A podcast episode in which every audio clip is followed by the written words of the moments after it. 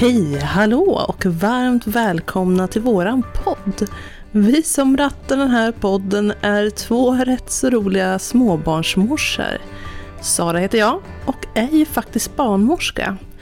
Inte bara det, utan jag har två småknodd här hemma. En tjej som strax fyller tre och en kille som är fyra och ett halvt. Tillsammans med mig har jag den fenomenalt frågvisa Förra veckan fick du vara en flicka, idag blir du en um, fena. Johanna. Tack så hemskt mycket Sara, vilken fin presentation. Som ni vet som alltid, eh, jag är inte barnmorska men har en son på ett år nu och är som vanligt otroligt frågvis.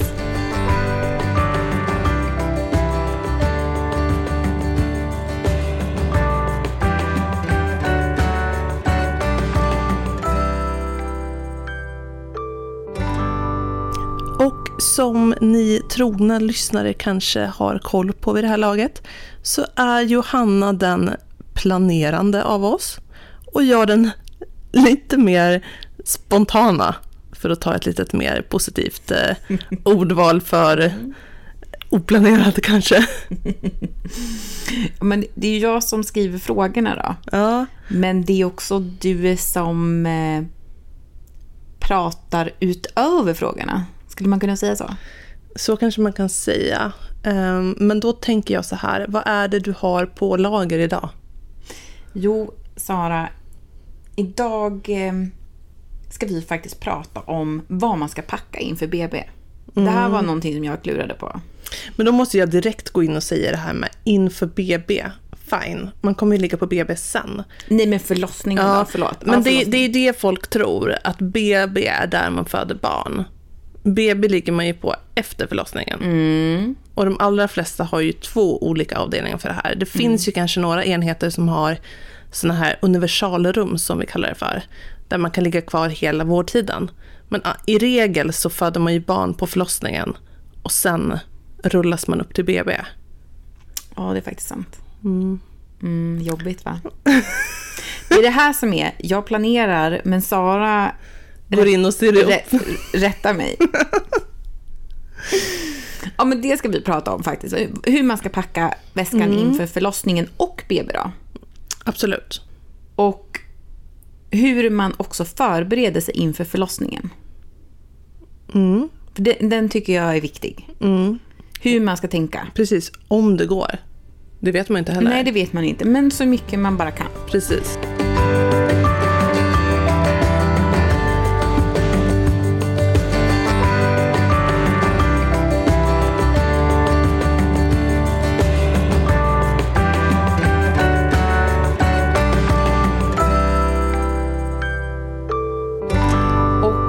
Jag har en specialfråga som jag inte har tänkt att vi, som inte du vet om att vi ska prata om idag. Det är, vi har pratat om BF tidigare i de här avsnitten. Mm. Jag kommer inte ihåg vilket nu, minns inte.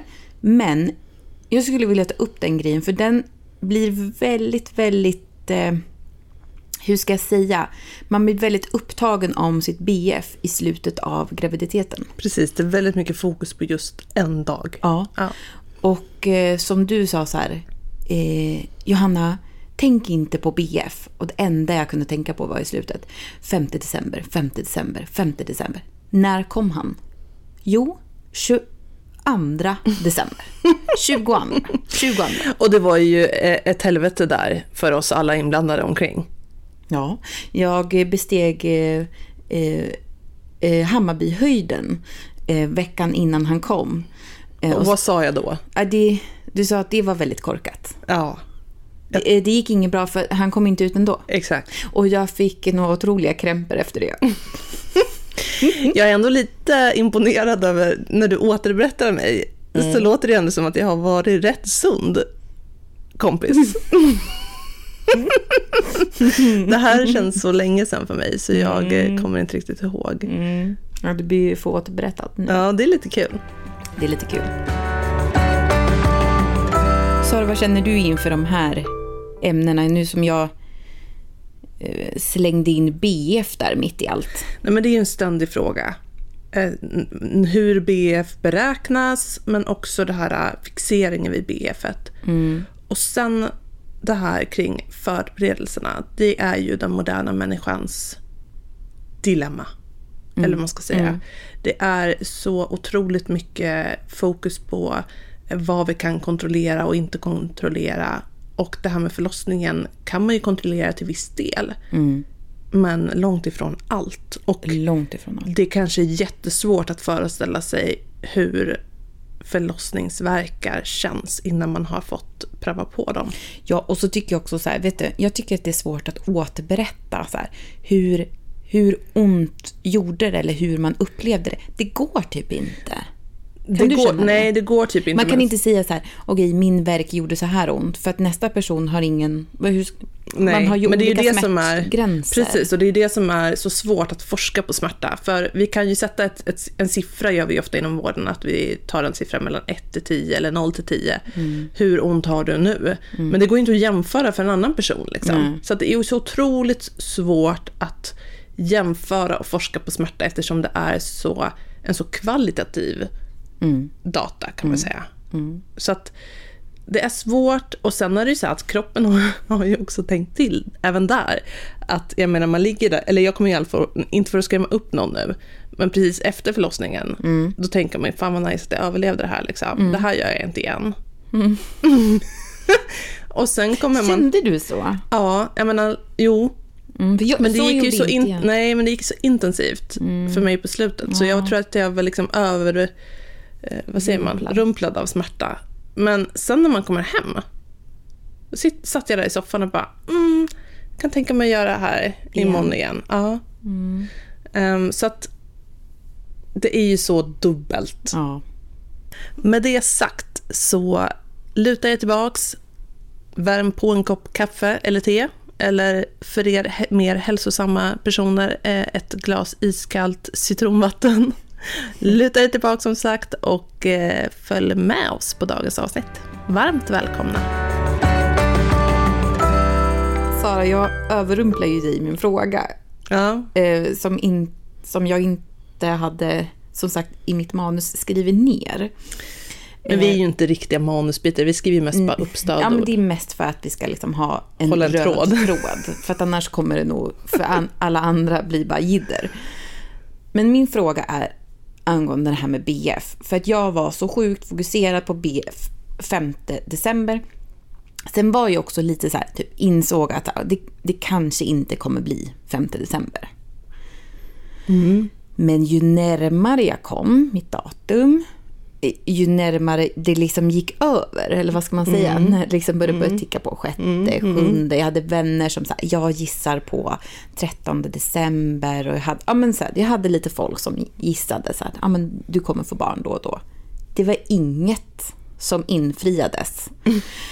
Eh, och när då jag fick min tid till 20 december för igångsättning, då tänkte jag så här, då, det är då det kommer hända. Du vet, lite som när man, jag vet inte hur jag ska säga, när man, när man minst anar det och typ då när det var bestämt, då kommer han komma innan. Inte ens det hjälpte.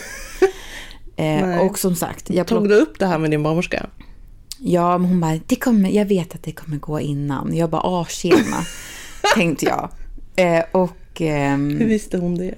nej, men hon bara, nej men jag har aldrig varit med om någon som inte. Jag bara, okej. Eh, jag bara, då kan du skriva in mig i historieböckerna, för jag kommer vara den som passerar mitt. Hon bara, nej, nej, nej. Ja, det är ju inte vanligt, det ska jag ju säga. Det är ju inte, det är inte Som många... förstföderska. Precis, ja, Eller? men vanligt och vanligt, det är väl klart att det, det händer ju. Men Mm. jag, om jag... Jag kanske har haft tio gravida bara som har blivit Ja. igångsatt för Mm, överburenhet. Sen ska jag ju du kan säga att ticka jag... till mig där en på en då. Är jag Ja. nummer elfte eller? Ja. men men så här, till min fråga är så här. Det här med BF.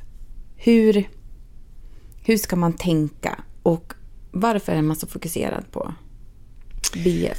Nej, men det är ju så här att vi måste ju sätta ett datum och förhålla oss till. För Mm. dels har det lite med saker att göra om, om barnet föds för tidigt. Då har vi en dagsgräns. Det kan kännas otroligt orättvist. Mm. Och även om det är en stor risk att födas i vecka 22 plus 0 så är det då vi försöker att rädda ett barn som föds för tidigt. Sen är det ju också att vi måste också förhålla oss till viss forskning och, och sådana här grejer när vi ser att det är risker. Och självklart är det här säkert otroligt individuellt, men som forskning är så är ju den baserad på en stor population.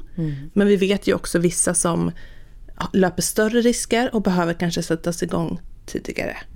Men okej, så vi- vilka tillhör de där risk... Nej, men det kan till exempel vara om du har eh, havandeskapsförgiftning och det börjar ticka Ja, iväg. det. Det kan till exempel vara en graviditetsdiabetes. Mm. Det kan till exempel vara ja, om du tidigare har fött ett eh, barn stilla så kanske det är mycket psykologiska bitar också Mm. i det. Att man sätts igång tidigare. Det här är ju helt individuellt beroende på hur, hur din graviditet ser ut. Mm. Eh, Men det är ju några exempel. Det kan ju också vara tvillingar. Det kan också vara... eh, om- Trillingar. Ja, väldigt ovanligt. Har du haft några trillingar? Nej, Har du haft tvillingar? ja. Flera Hur stycken. var det? Hur menar du? På förlossningen eller i mödravården? Eh, ja, men kanske båda. Nej, men egentligen på förlossningen. Ja, Men det är ju inte så stor grej som folk kanske tror. Folk frågar ofta mig så här, kan du inte berätta lite mer om tvillingar? Och det är ju själva graviditeten som är lite häftigt annorlunda i och med att det är två där eller kanske fler. Men, men själva förlossningen, ja det är ju två barn men, men om man föder vaginalt så är det ju inte så stor grej egentligen. Alltså, De de, de, kommer ju, öppen. fast det är dubbelt liksom. Jag har haft några eh, någon förlossning som har varit två eh, barn som har fötts med huvudet först. Och sen har det varit huvud och sen säte. Och det sätet bara slank ut innan vi... Mhm. Men vad då? Jag menar, vad menar du med att det är mycket häftigare under själva... Men dels är det ju en rätt... Alltså, tvåäggstvillingar, det är ju två ägg. Så de är inte mer lika varandra än syskon. Liksom. Nej, jag fattar. Eh, och, men enäggstvillingar är ju, om man ska hårdra det per definitionen, typ missdelning. Ägg, ägget, eller embryot, delar ju sig när det inte borde det. Och beroende på hur tidigt det delas så får den dubbelt av allt, det vill säga dubbla moderkakor, dubbla inre och yttre hinnor, eller så kanske det bara blir eh, en av allt. Och det är ju en mycket större risk. Då är det rätt stor risk, om man delar allting så är det rätt hög risk för sån här tvillingtransfusionssyndrom. Att den, e- att den ena tvillingen tar och den andra tvillingen ger. Och det är ingen av de här som mår bra i det. Man kan ju tänka att den stora är jätte... eh, vad ska man säga, välmående. Men det påverkar det barnets hjärta och så vidare. Så att det här är ju någonting som, beroende på vilken tvillinggraviditet man har, så behöver man extra kontroller under graviditeten. Och det är lite också rent, vad ska man säga, obstetriskt coolt hur det är. Eh, hur en tvillinggraviditet går till. Jag har inte ens tänkt på det. Jag undrar hur... Som eh, när min barnmorska lyssnade på... jag, har inte, jag, har inte, jag har inte tänkt på det här, men som när min barnmorska lyssnade på hjärtljudet. Hur gör man det när det är två? Ja, men då ska man egentligen ha två olika dopplers. Eh, Sen kan det bli lite rundgång, det kan bli lite tekniskt svårt, men eh, sen ska det också skilja ett visst antal slag mellan när man lyssnar. Och tyvärr så är det ju alltid så att när man väl lyssnar så låter de, ligger de väldigt lika i frekvens. Typ att den ena kanske har 135 och den andra 145. Eh, Men Måste man vara två barnmorskor då? Nej, inte om man lyssnar med två dopplers samtidigt. Liksom. Eller ja, två dopplers. Men det, som sagt, det blir ofta rundgång på det. Man kan ju också lyssna med tratten och en doppler. Använde din barnmorska tratt någon gång? Ja. Nej, men det gjorde hon. Ja. Nej, men det här med tvillingar till exempel. Så det beror ju på då lite vilken typ av tvilling man har om man har några komplikationer. Då kan man ju också sätta sig igång. Sen är det också så att förstföderskor över 40 har vi i alla fall i Region Stockholm. eh, Ska inte passera ett visst datum. För det är en, en risk. Ja, men vi har ju varit inne på det här förut, Sara, angående BF och hur man räknar ut det. Och jag tyckte ju att det var grekiska i början. Jag hade väldigt svårt att förstå. Eh, eller jag hade väldigt svårt att förstå när de räknade så en, en vecka, hur många dagar var det? Och, vet. Hur många dagar i veckan? Nej, Nej men det du syftar på är väl så här att vi inom sjukvården, vi pratar om fullgångna veckor och oh, dagar. Jag tyckte det var så konstigt. Och allmänheten pratar om graviditetsvecka, det vill säga den vecka man har gått in i. Mm. Man kan, vi har ju alla olika menscyklar, men tiden från ägglossning till att du skulle ha fått din mens är i regel två veckor plus minus någon dag. Mm. Så att har du en lång menscykel så innan du kommer på ditt ultraljud och de daterar efter ultraljud så kommer du ha liksom en falskt för långt gången mm. graviditet kan man säga. För du har fortfarande varit eh, gravid lika länge som någon med en menscykel på 28 dagar. Mm.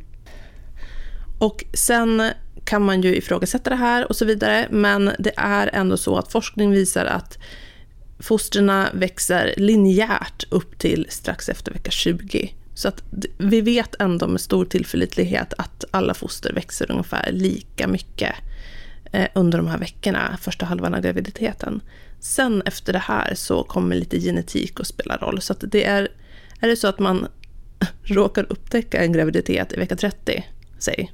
Mm. I vecka 30? Ja, men det finns ju alltid de här på nyheterna mm. och så vidare. För mig är det helt ofattbart. Men det är jo. kanske annat i livet som upptar tankar och så vidare. Hur man aldrig kan ha känt eh, fosterrörelserna mm. till exempel. Eller så. Men då är det väldigt osäkert att datera. Eh, utan då, då gör de uppskattningar, och även när barnet föds så gör de uppskattning om hur långt det här, mm. den här graviditeten kan ha gått. Eh, men med det sagt så är ju BF bara ett datum. I vissa länder så pratar man ju bara om att omkring det här veckorna kommer du att föda barn. Och det Aha. kanske är bättre. Jaha, vadå? Så det är bara vi i Sverige som har ett datum? Nej, absolut inte. Men i vissa länder har man ändå gått ifrån det här och säger liksom att omkring de här veckorna mm. kommer du att föda barn. Och det kanske faktiskt är bättre för att då slipper man fokusera så otroligt mycket vid ett datum just. Mm, det hade jag velat tagit. Och sen är det ju många andra länder som säger, inte pratar om veckor, utan pratar om, ja men jag är i månad fem. Och så frågar man så här, ah, vilken vecka är det då? Nej men det har de ingen aning om. Mm. Så att det, det ser väldigt mm. olika ut. Mm. Um, men oavsett så får man nog försöka släppa lite på det här med datumet. För um, vi får inte heller glömma bort att en fullgången graviditet är från vecka 37 plus 0 till 41 plus 6. Mm. Och, först och, det, och, det, mm. och det missar man. Det kan jag säga som gravid lyssnar man inte mm. alls på. Jag lyssnar på till, fram till vecka 37 och tänker det här blir bra. Till vecka 41 plus 6. Dit går man bara inte. Dit går man inte bara. Man är inte ens där. Nej, och vi måste tänka också på att överburen, det blir man först i vecka 42 plus 0. Mm. Så att det här med att ja, men, mitt barn föddes två veckor för tidigt, ja, men för mig då, då, då är det vecka 35. Mm. Men jag gick ju snarare, kanske var yrkesskadad och gick och liksom tänkte att ja, men nu kommer ungen komma när jag har passerat 37 plus 0. Mm. Bara för att då visste jag att den var fullgången. Mm. Men ja, oavsett så ska man nog eh, försöka att koppla bort det där datumet lite. Mm. Det har ju barnmorskan koll på. Mm. Jag gjorde ju inte det. Jag gjorde ju inte det. Nej. Jag vet inte hur duktig du var på, men... men... Nej, men jag, jag tänk, kände ju som, jag tror att jag kände som att jag var i vecka typ 43 när jag närmade mig BF eftersom jag hade räknat ner från 37 plus 0. Mm, mm. Båda mina barn har ju faktiskt fötts i vecka 39 plus, mm. ska tilläggas. Lucky you. Ja, Lucky det, det måste jag ge mig. Mm. Det kanske var den där mentala... Men eh, vad känner vi inte att vi kan avsluta det här? Jo, det kan vi göra. Och det här med nästa grej, att kunna kontrollera vad som kommer att hända på förlossningen. Då. Hur kände du där? Vad gjorde du för att förbereda dig? Vi vet ju att du har gått på profylaxkurs. Mm, profylaxkurs gick jag. Men sen var jag också så inställd på att alltså, allting kan hända. Eh, det kommer göra ont. Jag vet att jag är i bra händer. Jag har min eh, sambo eh, bredvid mig. Och... Eh, men bara ta det lugnt.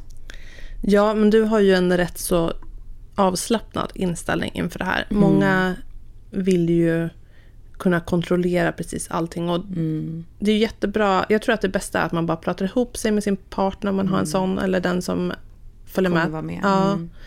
Och hur brukar jag reagera? Jag har sagt det förut, men hur brukar jag reagera på smärta? Hur vill jag ha mitt stöd?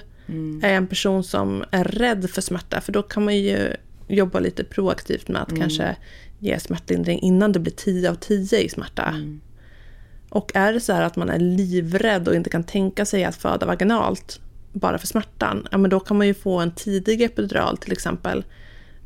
Då går man ju ofta på samtal inför förlossningen. Då kan man ha en bra förlossningsplan. Att men, när jag kommer in till förlossningen då sätter vi en epidural innan det blir 10 av 10 i smärta. Och så kan man aktivera den här sen. Det vill säga man bara förbereder att allt är klart. Så slipper man stå där och kanske ha en narkosläkare som är upptagen på operation och så vidare. Det här är ju såklart inget som gäller för alla. Nu pratar jag om förlossningsrädda som kan ha det här som ett alternativ till att kanske inte välja ett kejsarsnitt om det inte är så. Men jag, jag kan också känna att så här, jag var väldigt peppad. Eh, Jag har ju haft väldigt många vänner som har eh, varit gravida och fått barn innan mig. Jag är nog bland de sista tror jag i min kompisskara. så att jag hade väldigt mycket så här att, men okej, har de klarat det så kommer jag också klara det. Klara det. Men- Det är ju sunt, för jag är en sån person som bara får, får prestationsångest av det. Och bara, Mm. "Åh, nej men jag kommer vara den enda som inte klarar det. Inte just för förlossningen nu, eftersom jag ändå känner mig rätt trygg med det. Mm. Men med annat i livet. Nej, men jag blir peppad. Och så tänkte jag så här, det här kommer... Det här, det här kommer ju bli once in a lifetime. Jag kommer aldrig uppleva... Det här kommer vara det jag upplever. Förstår Ja. du? Att så här, För det är ju rätt häftigt på det sättet att man kanske kan se, förhoppningsvis är ju förlossningsverkarna det, det, den värsta smärta man kommer ha i livet. ja, men jag tänkte också så här, okej, det är... Så här, jag har varit gravid i nio månader. Gått igenom allt sånt. Ja. Det är max för mig två dagar. Kanske för alla vad, är, vad är två Kan- dygn? kan- Vad är två dygn? För, för alla normala människor. Eller för alla andra så kanske eh, det inte handlar om, om två dygn. Jag älskar att du ändå pratar om det här så här avslappnat, fast du tyckte att det var asjobbigt då och ändå tog två dygn så var det ändå, har det inte satt djupare spår. Nej. Det är jättefint. Nej men för jag, för, för jag var så... Nej men jag, det spelade ingen roll. Alltså det, det var, jag tänkte så här, okej det är... Det är några timmar av smärta. Nu var det ju två dygn, men det var ju inte två dygn av smärta ska vi Nej. säga. Det är ju intervallsmärta, jag menar man, mellan verkarna får man ju ändå en verkpaus där det inte ska göra ont alls. Ja, och det är det jag känner så här att det, det är så liten del av livet Absolut. som man Det är också ont. lite coolt att testa på den här smärtan. Jag, jag vet att det finns jättemånga som tycker tvärtom. Att så här, varför ska man ha ont om man inte måste? Och det, där tänker jag att där är vi väl så här att ja, varför ska jag, det jag kan känna istället så här, varför ska jag utsätta min kropp för ett maraton till exempel? vi, vi har väl alla olika saker som vi vill ställa um, oss inför och prova. Sen kan vi alltid kasta in handduken och säga så här, eh, ja, smärtmässigt alltså. Och, och be om en epidural till exempel. Det är ju säll, sällan det är för sent eh, med första barnet i alla fall. Så att jag tyckte det var lite coolt att få pröva på ändå en helt naturlig smärta. Och man kan ju också filosofera kring om den här smärtan har någon betydelse. Om man på något sätt känner sig ännu mer lättad när smärtan försvinner. Jag vet inte. Jag är ju ingen person som tycker att man ska gå runt och ha ont. Jag tar ju gärna en, en Alvedon om jag har huvudvärk till exempel. Men, nej, men vi vet ju heller inte hur ont det kommer att göra. Nej. Så att, att sitta här och förbereda sig för att det här ska jag ha och det här ska jag ha och så vidare. Det, det finns nog någon vinst i att kunna ta det lite som det kommer också. För annars kanske man överhypar den här smärtan också. Men någonting som vi ska säga. Någonting som vi ska säga. Jag vet inte om du känner så här, men så här känner jag. Jag känner så här. Det här är det absolut häftigaste jag gjort Ja. i hela mitt liv. Det är så coolt. alltså, Alltså, det är så coolt. Alltså det är så... Jag har ju då hoppat från ett flygplan. har du? Ja. Visste inte du det? eh, Är det jo, samma rush? rush? eh, absolut inte. Det är, är, Men det är väl så hormonellt? Det, det är väl så hormonellt. med att föda barn alltså? Ja, inte att hoppa. Men absolut så här, man var ju hög på känslan Jo, jo. i typ så här Ja, en dag ja, efteråt. Man ja. hade hoppat. Det var så här. Men det är inte, jag är inte samma hög på känslan, utan det är en annan, en annan del. Men jag tänker så här, det finns ingenting som slår det här. Och jag ska inte säga att jag är avundsjuk på alla ni som ska föda. Men jag är det också. Men det är, li, det är lite så här, typ den här, den här känslan. Jag var det ända tills jag fick mina första verkar med barn nummer två. och så sitter jag här alltid när man är gravid och snart kväll och bara, åh det är så, njut, det är så spännande, det kan hända när som helst. Ja. Och när man var gravid själv så bara, mm, det händer typ aldrig. Nej. Nej. Men det är ju otroligt, otroligt häftigt. Och jag tror ju som med allt här i livet att förbereda sig är superbra för att se till att man kanske inte eh, glömmer bort någon detalj som man hade velat, till exempel att fota mycket eller att man vill testa föda en viss ställning och så vidare. Men också låta livet få komma emellan lite och eh, ha tilltro till att den ändå hjälper dig. Din kropp alltså. Och sen vet vi ju att det florerar massor med olika bilder och eh, saker Mer videos. mm, videos i sociala medier där eh, vissa föder helt ljudlöst i en pool, typ bara tar upp sitt barn helt opåverkat. Och jag måste säga att jag är så fascinerad av den kroppskontrollen, eller vad man ska kalla det. Men vi reagerar alla olika på smärta och jämför aldrig någonsin dig med någon annan eller har någon målbild som innan du har upplevt de här, klart att det är jättebra med målbilder och så vidare. Men för mig hade det varit helt omöjligt, vill jag påstå, att liksom ljudlöst och kontrollerat ta emot mina barn själv. Det kanske har, gjort, har att göra med att jag hade typ fyra kristverkar med båda ungarna. Men jag vill ju tro att det bara inte hade kunnat gå att göra på något annat sätt. Och med det sagt heller inte så här att de föder barn på något bättre sätt, de som gör det här helt, vad man ska säga, kontrollerat, utan vi föder ju alla barn på precis lika bra sätt. Ja, och jag tror det är bra att ha med sig. Ja, jag Alltså, tror att jag, jag kan säga så här, jag tittade på några sådana här videos innan. Mest för att där, bli lite medveten. Och det var lite rädsla och eh, fascination Ja. i det. Och jag vet inte om, om det hjälpte mig. Nej, men alltså jag tror ju som sagt det är jättebra med målbilder och så. Men jag kunde i början vara avundsjuk på de här personerna som verkade ha sån otrolig säkert både psykisk och fysisk kontroll över kroppen. Men samtidigt känner jag så här att, att äh, i mitt fall bara omöjligt. Och jag tror att det är otroligt viktigt att vi kommer ihåg det här, för annars tror jag att om alla tror att man kan föda barn ljudlöst, eh, som om det vore någon prestige, man får ju låta precis hur man vill eh, när man föder barn, så länge man lyckas eh, effekti- eh, ja, krysta som man ska och så. Eh, men då tror jag att många kommer hamna på psykologsamtal efter det, för då blir det ju verkligen kraschade visioner och förväntningar för många. Verkligen. Så att ha en realistisk bild av förlossningen, av dig själv, tro på dig själv, peppa dig själv, låt din partner peppa dig, men också att ha tilltro till din kropp. Tänk att det här är ändå din kropp gjord för att göra. Och är det så att den behöver lite hjälp på traven, för det är det det handlar om, det är fortfarande du som föder ditt barn, oavsett hur mycket hjälp du får från eh, barnmorskor och läkare och så vidare, så har vi den att tillgå. Och det är ju i kombination helt fantastiskt. Ska vi gå in på faktadelen, Sara? Kan inte det vara spännande idag? Är det dessa frukter och grönsaker igen? Nej. Nej, men jag tänker först att vi ska ta Vi kommer till frukter, jag lovar. Det kommer inte bli utan. Men det som jag tycker är häftigt nu, för nu... Det är ju väldigt mycket som... Det är alltid mycket som händer i kroppen när man är gravid.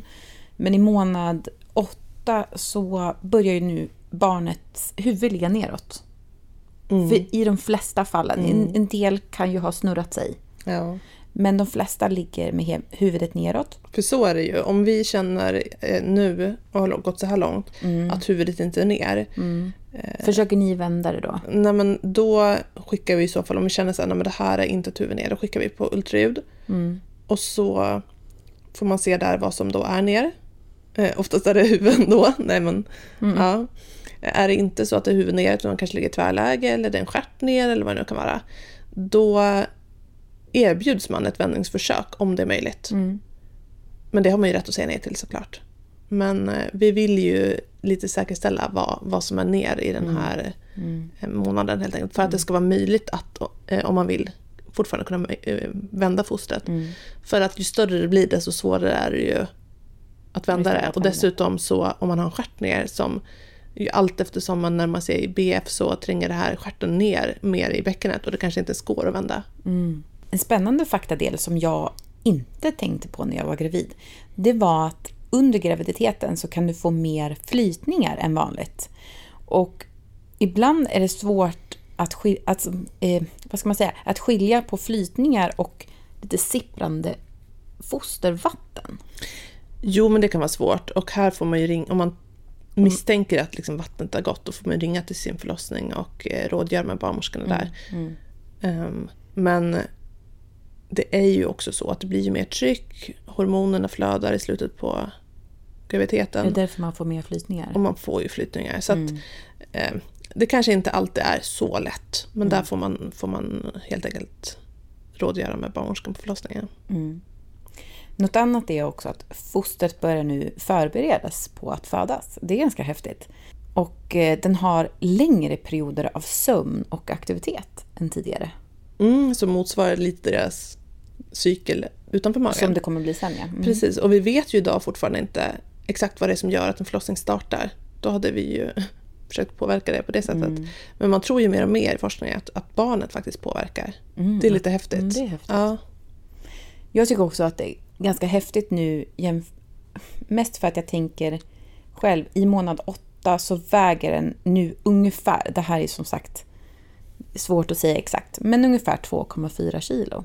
Mm. Och då tänker jag så här, och det här är månad åtta, det är bara en månad kvar då. Den, den tjockar ju på sig ganska bra nu i slutet. ja, sista veckorna där, då tjockar den ju på sig. Eller tjocka, det var kanske elakt sagt. Då, då lägger den på sig typ 250 gram i veckan. Mm. Det är rätt mycket. Det är rätt mycket. Eh, nu pratar jag om de här veckorna precis runt BF. Mm. Men det är också så här att i slutet av graviditeten när det närmar sig förlossningen så sjunker ju progesteronet, det här graviditetsbevarande hormonet. Och det är det hormonet som gör att typ våra tarmar står stilla och sådär. Mm. Så att jag tänker så här att folk brukar säga att ja, de blir så här, de kör en TT, en totaltömning. Typ, och ser det som ett förlossningstecken. Jag tänker att rent, rent eh, teoretiskt så är det kanske inte så konstigt. Nej. Dels så vill väl kroppen, tänker jag, tömma tarmen eftersom den ligger precis jämte vaginan och kan ju, alltså en, en jätte eh, där kan ju nästan utgöra ett förlossningshinder. Nej, men eh, skämt åsido, men det går ju mycket smidigare om man inte har en, en liksom 5 cm i diameter hård plugg där. Mm. Så att, eh, ja, jag tror nog kanske att det kan finnas ett visst samband, Samband, där mm. ändå. Kan vi ta, nu när vi ändå är inne på förlossning Sara, för att det här med förlossningshistorier, precis som du var inne på alla videos och sånt. Varför finns det en sån fascination när man är gravid att folk någonstans ska berätta i en timme om deras förlossning och för någonstans vara ärlig, de är aldrig bra. De är ju bara hemska, man mår bara dåligt. Varför? Fast det tycker jag ändå det har blivit bättre med. Jag tycker att det finns många fina... Jo, alla är fina förlossnings... men, alltså, men så här, positiva Jag som är gravid, som ska bli liksom peppad till Ja, nej, att det är totalt och då, onödigt. och så här, Men jag har också lite svårt för att det var ju många som berättade för min sambo hur deras liksom, kvinnor upplevde förlossningar. Så han kom ju hem och var helt vit i ansiktet och bara Ja, idag berättade Kalle för mig. Eh, Och jag bara, men varför berätta? Nej, jag och, så- och till slut inte. blev jag nästan typ förbannad på hans kollegor. För att, för att min sambo blev väldigt tagen av de här historierna. Men folk har väl som vanligt inget filter på flabben. Absolut inget filter. Och det är så här typ, återigen så här. Om inte den gravida vill ha din graviditets... Eller, Sip it. ja. ja, kort sagt. Sip it. Det är ingen som vill veta. Nej, och sen måste vi också bli bättre själva på att är det här någonting som inte jag vill läsa, skyll då inte på den som, alltså om vi pratar om nu, Sociala medier. exakt, Mm. inte att någon kastar sig på en och berättar det här, utan Nej. är det så att man håller på och nästan eh, missbrukar sådana här historier som man inte vill läsa då, bara sappa förbi. Mm, släppa förbi. Men också så här typ, just i att så här, okända människor, nu jobbade ju jag i butiks, vilket gjorde att jag träffade ganska många människor. Men det var ju många som, så här, som jag inte ens kände som bara Åh, min förlossning. Eller så här, när är det dags för dig? Och så här, Åh, min förlossning var... Och då var jag så här... Eh, jätte, Det är tre månader kvar. ja, så här jättetrevligt, men eh, jag är inte intresserad. Nej. Och sen tror jag i och för sig att det, det, det är bra att ha en blandning av historier också, för att man kan förbereda sig på att, ja, det, som, som du till exempel, att jag menar du hade en långdragen förlossning, Mm. eh, det tog extremt lång tid. Hade du, hur kom barnet ut till slut? Eh, med sugklocka. Ja. Och då tänker jag så här att det är ju också väldigt viktigt att vi pratar om, ja det var en, en, en lång resa Mm. på slutet, men det blev ju himla bra. Och du minns ju det här jättepositivt. Ja, och- ja, och jag har, jag har det är jättemånga som är så här, och shit, kom han med sugklocka? Jag bara, ja. Ja, det, för mig är ju det inget drama, men det låter ju så otroligt läskigt Mm. för de ska föda, och framförallt kanske för partnern som sitter bredvid. Då var han lugn. Ja, det är ju helt otroligt, jag som då känner... Ja, ja det är jättekonstigt. För, och han, han var nästan så att han du vet, skulle Nyfiket. glutta. Så här, hur gjorde de? Eh, Nu, nu sträcker Johanna här på nyllet som en surikat spejar över savannen. ja, han gjorde så. Och till och med att han började fundera på att investera i de här I en sug... Ja. Nej! Jo. Driver du? Nej. Alltså han har, nej, han har på riktigt så här, kollat upp så här, typ, okej, vart någonstans kan man investera, alltså aktiemässigt? För han bara, det här, det var det häftigaste jag har sett. Jag blundade ju, så jag såg ju inte Det ens. finns ju olika sorter, vet du det? Att det finns en som man kan pumpa upp för hand också som heter kiwiklocka. Mm. Men han sa att den här, alltså han bara, det, det är helt otroligt. Den var så liten. Han bara, så hade han bara en liten, liksom ett finger. Men lät den något? Nej. Nej men då var det säkert en kiwiklocka du fick. Mm. För annars är det ju liksom kopplat en, till en, en eh, elektrisk sug. Jaha, nej, nej, nej, nej, för hon hade tagit in liksom, Hon pumpar upp med fingret. Ja. Ja, och så den bara, är så gullig. Och, Och- ja, det är så jag tror- tyst och det, det, det alltså, Jag tror de därför min sambo var så här, Ja, de finaste sugklockeförlossningarna jag har varit med på, det har varit med kiwiklockor. Mhm. Och där måste man också komma ihåg att man får ju bara lite draghjälp. Det är fortfarande du som under verkar ska föda ditt barn. Och Ja, för det var det hon sa. Hon bara, alltså jag, jag Och man är hade, ju så tacksam då. hon bara, jag hade den bara för att, jag bara, hon bara, du gjorde allt jobb. Jag bara, jaha, eh, va? Alltså så här, hon bara, nej men jag hjälpte bara till och liksom Styra lite. knixa, Kni- ja. alltså knixa Ja. ut han lite. Ofta behöver man ju knixa till den så att den kommer under symfysen, Mm. alltså pubisbenet. Ehm, och sen, sen brukar man släppa den här sugklockan och så får man föda på slutet helt utan. Mm. Men min, mitt barn fick ju en liten sån här som en liten halvmåne. Typ från liksom själva sugklockedelen Ja. så var det bara som ett litet... Alltså han fick ju inget som en del får så här, struthuvud eftersom att de bara hjälpte till. Så kan man säga struthuvud, förstår du Ja, jag fattar. Eh, så han fick bara en liten, och det vet jag att hans kusiner var, de pratar om det än idag. Så här, "Ah, visst, kom, visst kom Kurt med sugklocka? Jag bara, ja det gjorde han. Men han hade bara en liten, liten grej på huvudet. Jag bara, ja. Men det är för de är väldigt så här, fascinerade av. En- Ja, alltså jag tror att innan jag blev barnmorska så trodde jag också att det här med sugklocka lät så ungefär som man sög ut hela hjärnan. ja. Men det är ju verkligen inte så. Nej. Det är ju otroligt vanligt att föda med sugklocka. Nåväl, nu har vi snackat sönder om eh, att eh, födas med sugklocka, men vi har ju också avverkat det här med hur man förbereder sig för förlossningar. Och vi kan väl summera med att läs gärna på, ta inspiration som du mår bra av, var realistisk och eh, läs på lagom mycket. Mm. Så blir det här nog superbra. Sitt lugnt i båten. Du är omringad av professionella Roddare. roddare.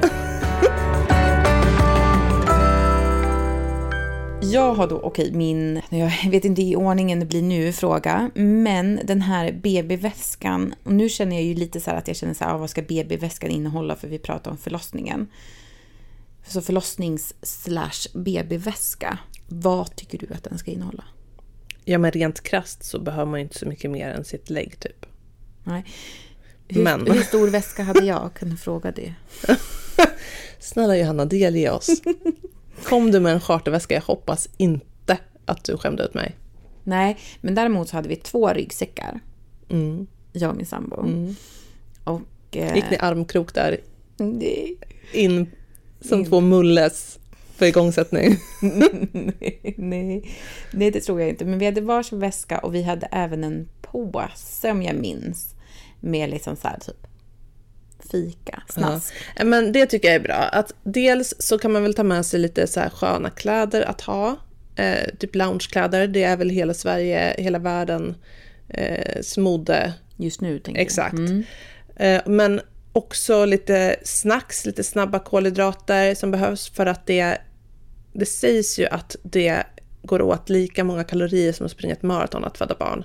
Det här beror säkert på hur lång förlossning man har och så vidare. Men på vissa sjukhus får man ju heller inte äta när man är i aktiv fas. Jag tycker att det är jättekonstigt. Eh, Men så är det tydligen och då får man ju såklart rätta sig efter det. Men under covid kanske man heller inte får gå in och ut så ta hellre med och strunta i det. Men inga nötter för det kan ju vara Nöttillägg. folk... Ja. Men jag, jag kan känna så här, alltså min väska, alltså till min... Då, eftersom att vi inte visste vem, vem som skulle komma så, så hade vi ju då en otroligt unisex-garderob. Det har vi for, kanske Ja. fortfarande egentligen. Jag, har, alltså jag förstår inte, jag hade alltså uppsättningar på kläder. Och jag använde typ ingen. Nej, man har ju barnet mest hud mot hud. Mm. Och så kanske en mysig filt eller sådär. Jag har ju fått barn både i sommar, i, juni och i februari. Mm. Och när vi kom hem var det 20 minus. Så då hade jag eh, en... eh, Jag tycker att de här fleeceoverallerna är himla bra. För det var Mm. Det inte så var, att, vi hade en sån. ja, nej men det är ju himla bra. Jag minns att när min son föddes i juni, då var det så varmt så att vi höll på att koka sönder på det där hotell-BB-rummet. Och där behövdes ju, jag tror att han låg i body och ibland bara i blöja Mm. i vagnen. Så, såklart så ska man ju se till att de inte får sol på sig men det, det behövs inte så mycket egentligen. Utan någonting skönt, vissa tipsar om att ha med sig hårsnodd, det är himla bra. Eh, kan vara jobbigt att föda barn med utsläppt hår om du har långt hår. Också säger en del att det är skönt att ta med så här mjukt toapapper för de tycker att toapappret är så strävt på eh, sjukhusen och det kan jag ju hålla med om. Sen ska jag säga att jag kissade faktiskt bara i duschen efteråt. Mm, just det. Det har du sagt, ja. Mm. Det gjorde inte jag. Nej, men jag tyckte att det var skönt om man hade gått sönder lite sådana ytliga bristningar så svider det inte lika mycket om man passar på att kissa i duschen. Jag ska ju erkänna att jag gillar fortfarande att kissa i duschen. på badhuset också. Nej, jag skojar! Hej Pufflan! Oh, påminn mig att vi aldrig ska gå och simma tillsammans. Det har vi väl gjort. Ja, det har vi. Nej, men så att inte för mycket kläder. Utan det mesta finns ju där. Eh, jag tror att de allra flesta BBn har blöjor och sådär också. Men eh, man kan väl, om man är en person som vill förbereda sig till eh, maximum. Till tänderna, Ja. eller typ som jag gjorde. Ja, ta med, Då- ta med er allt. Nej, men då kan man väl höra efter lite med sin barnmorska vad, som, vad som behövs. Precis. Jag kan säga så här, vi, eftersom att vi åkte hem i december då, så hade vi då en jättemysig, så här, fluffig liten björndräkt sådär. Jo. Så- Och, och satte på honom den. Eh, han fick ju inte ut tassarna i armarna och benen. För han var så liten så han Hur låg mycket vägde han? eh, tre och fyra. Ja, och då är han ju ändå född i 42 plus. Ja, han var liten. Så att det gick inget bra. Så att vi fick inte på honom den där för det var liksom, han låg i, om vi la ut den på, på liksom sängen och skulle lägga i han i den.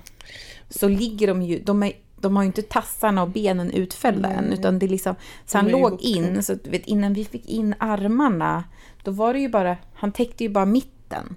Så vi bara, det är ingen idé, han får inte på Nej, sig men alltså handen på hjärtat, hur mycket ute är man? Sam, partnern Nej. går ju ofta och hämtar bilen om man nu åker bil Nej, hem. det det är väl om man skulle åka buss eller något hem. Ja, Ja. precis. Nej. Nej. Och, så, så, och sen så satte vi på honom så att han hade mycket kläder och vi hade filtar på honom och allt sånt. Så det är jättefint. Men jag tror att så här också att bilden av hur mycket man ska använda, hur det kommer vara, är ju en helt annan...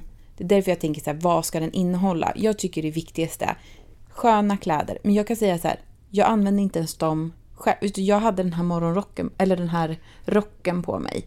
Ja. Typ under hela vistelsen och då stannade vi kvar en extra Jag kände dag. mig så sjuk i den, så den rök för mig. Jaha, nej, jag tyckte den var så skön. Och så hade jag med mig en, faktiskt en morgonrock. Det var det tar ju jättemycket plats. Nej, men det var Då får du ta en sån här kaftan. Ja. Nej, men så här linnemorgonrock. Och det tyckte jag var ganska skönt. Det är Ja. skönt, för det kommer amma lätt i också om man vill ja, göra det. Ja. Så att packa inte för en weekend. Och då kan jag säga, då stannar jag där fredag, lördag, söndag, måndag, tisdag, onsdag. Vi var där i sex dagar. Varför var ni där så länge? Men vi- blev igångsatta och, det, och innan vi då... Innan han behagade att komma ut så var det ju två dagar. Och sen stannade ju vi kvar längre för att amningen inte hade kommit igång. Jag, Min, mitt andra barn, hon var ju tung för tiden. Inte tung för sin längd, det var hon precis på gränsen. Men tung för tiden. Så att eh, de var ju jättenervösa på BB. Att, eh, för det var ju precis på gränsen att man skulle behöva ersättning. mm. Så att ja, de- var ju på mig och väckte mig på natten och bara Har du ammat nu? Har du ammat nu? Och jag hade ju nyss ammat mitt första barn och hade ju ändå läckt rätt så mycket bröstmjölk under graviditeten.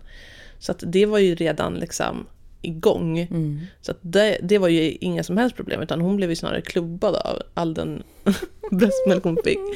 Så jag minns att jag liksom på tvång, fastän mina moderkänslor bara sa nej, hon behöver absolut inte amma nu. Jag sa faktiskt, när vi sover nu någon gång också, och bara, mm, Men du tackar nej till det. nej men det gick ju inte att, ja, knappt att väcka henne där när hon var så, så mätt. Lilla hjärtat. Ja, men samtidigt eh, så jättefint att de höll koll och sådär. Och eh, det här kanske var, jag kanske var ovanligt lugn för att hon, eh, eller att jag var barnmorska och också omföderska. Men annars så ska man ju såklart lyssna på när de säger att man ska försöka amma var tredje timme och så vidare. Nu var hon precis på gränsen så det var ju inte riktigt så att jag behövde det kanske heller. Utan eh, jag skulle säga till om jag tyckte att hon verkade lite slö och så, att de kanske behövde titta ett socker på henne. Jag tänker så här, din väska som du hade med dig första gången jämfört med gång nummer två. Ändrade ens den något? Nej, Vänta, hade du med dig en jättestor väska? nej, hade med mig skötväska bara. Mm, duktigt. Ja, nej men däremot så behövdes det kanske inte så mycket plagg som jag tog med mig. Och sen har ju mina barn varit rätt så stora så att den här storlek 50, den har ju bara varit och kasserat. Mm, mm. Alltså Linnea såg ut en kass, som en kassler. Ja, jo men allvarligt, alltså det, hon stod ut som så här stoppad korv. I, och då hade jag ändå köpt en så fin från ett fint märke. Som jag bara måste ha någon användning för den här en dag. Någon gång ska hon ha på sig den. Alltså det, det, det ser inte fint ut. Såg inte fint ut. Nej. Medan vi kämpade med storlek Ja, jag 50 vet. Så det här med eh, storlekar är ju individuellt. Men hellre köpa för stort och vika upp känner jag. Så gör Ja, jag ju vi alltid kämpade för idag. sig inte med 50, det var 56 vi kämpade med länge. Ja, men kanske, ja. Vi, vi gick upp. Mm. Det här gör man precis som man vill själv. Men om man ska hårdra det så behöver man inte mer än sitt lägg. Och eventuellt stöd. Mm. Och sen vill jag också slå ett slag för det här med dolor. Det är ju fantastiskt. Mm. Dels så finns det ju kulturdolor som pratar kanske det språk som du pratar om du inte pratar svenska. Och dessutom inte bara språket utan också har med sig kulturen och, och kan vara en brygga däremellan. Mm. Men det är ju otroligt eh, fint stöd de ger på ett sätt som en partner eller någon som man känner inte ger. Utan de här är ju jätteproffsiga och har ingenting med själva eh, medicinska saker att göra utan ett professionellt stöd kan man säga. Sen är det ju synd att alla inte har möjlighet att betala för det här. De här kulturdolorna vill jag minnas är gratis, i alla fall i, i Stockholm. Men Johanna, jag tänker att eh, vi har ju ett plåster vi behöver riva av. Jaså? Det här med frukterna, kör nu bara. bara. Alltså jag vet, alltså så här, Sara har suttit nu på nålar och bara mm, undrar vad det kommer idag, undrar vad det kommer idag. Mm. Jag vet. Mm. Och vad är det nu då för frukt eller grönsak? Jo, Kan du inte ta någonting vi kan uttala och förstå oss på den här gången? Jo, det var faktiskt ganska dåligt Har vi sist. kommit fram till om det heter durian eller? Nej. Alltså varför tar du upp det? Jag har ingen aning. Du kommer ju som sagt inte undan Sara. Favoritdelen är kvar. Ba, ba, ba. Men den här månaden, jag lovade dig en, en, en frukt som du kan uttala. Mm. Honungsmelon. Mm, Mm. vi tar den. Eh, jag tycker också att det är lite häftigt nu för honungsmelon, då man alltså Bebisen är nu alltså 47 centimeter, på tal om vikt som vi pratade om innan, 2,4 kilo ungefär. Mm. Ganska häftigt att den är... Bebisen är alltså nu 47 centimeter lång. Jag tycker ju att honungsmelon hjälper mig mot halsbränna. Har du testat det? Nej. Nej. Jaha, Ja. aldrig hört. Nej, det var faktiskt min läkarkompis som tipsade om det. Mhm. Eh, Det hjälper faktiskt riktigt bra. Om man kanske har lite halsbränna nu så här i graviditeten. Och det skadar ju inte att käka lite honungsmelon. Mm. Okej, men vi kanske nöjer oss med honungsmelonen då. Eh, Jag tänker att eh, jag bara gissar nu. Men jag tror att det kommer bli en, jag har vuxit en vattenmelon nästa gång. Precis. De sista veckorna är det faktiskt en vattenmelon. Jag ser de här instabilderna där folk målar en vattenmelon på sin kagge. Mm. Men vet vad jag- det får bli en cliffhanger. Ja, det får bli en cliffhanger. Jag vet att eh, många är otroligt spända in på, inför just det där, ditt Mina, favorit. mina ja. Mm. Mm.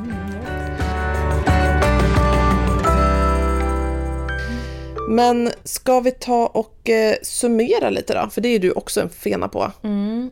Idag har vi faktiskt pratat om, igen egentligen, för vi har redan pratat om, om BF. Ja. Men vi har repeterat. Vi har repeterat och just också kanske mer fokuserat på att datumet kanske inte är det man behöver fokusera så mycket på. Nej. Även fast man gör det. Och sen har vi också pratat om det här, kan man förbereda sig för förlossningen? Och i så fall, hur och vad gör man egentligen? Och hur förbereder man sig som partner? Har vi också varit inne och Nosat på. nosat på. Vi har också pratat om vad man packar i sin BB-väska. Eller som Sara säger, i förlossnings slash BB-väskan. Ja. Eh, Man kan packa stort.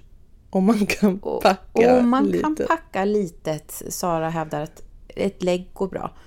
Jag känner mig som den här tråkiga gamla tanten nu som bara... Ett lägg går bra. Ett och... Nej. Nej. Nej, men jag känner mig lite som min morsa typ som avdramatiserar allt. Mm. Vill du hålla på och pyssla med din väska, gör då det. Men dra bara inte med dig en charterväska. Eh, det är väl tipset som vi kan ha. ja. Mm. Men då funderar jag lite på Johanna, vad är det vi kommer att ta upp nästa avsnitt? Ja, men nästa avsnitt, då är det ju alltså månad nio. Nu, nu tickar det på alltså. Det är nu det händer. Det är nu det händer. Det är det här vi någonstans har väntat på. Ända sedan vi startade podden. Månad nio, det är nu det händer. Jag tror att alla gravida som lyssnar också har väntat, att- väntat om inte mer än, än vad vi har gjort. Vad kommer vi ta upp då? Jo, vi kommer ta upp... Eh, i, idag har vi pratat om hur man förbereder sig, men just också så här, hur, hur ska man tänka inför förlossningen? Vilka nummer behöver man ha? Hur ska man provköra till BB? Och ska vi lämna lite kort om det här med olika former av bedövning kanske? Ja. Resten tror jag får bli en liten eh, cliffhanger även den. Ja, Ja, det, det får bli en surprise. Mm, en surprise. Som det paket som ni snart ska öppna får ni ett litet eh, förpaket av oss. Mm. Vi säger som vi alltid gör när vi säger hej då Sara. Jag säger tjing tjing! Så kram!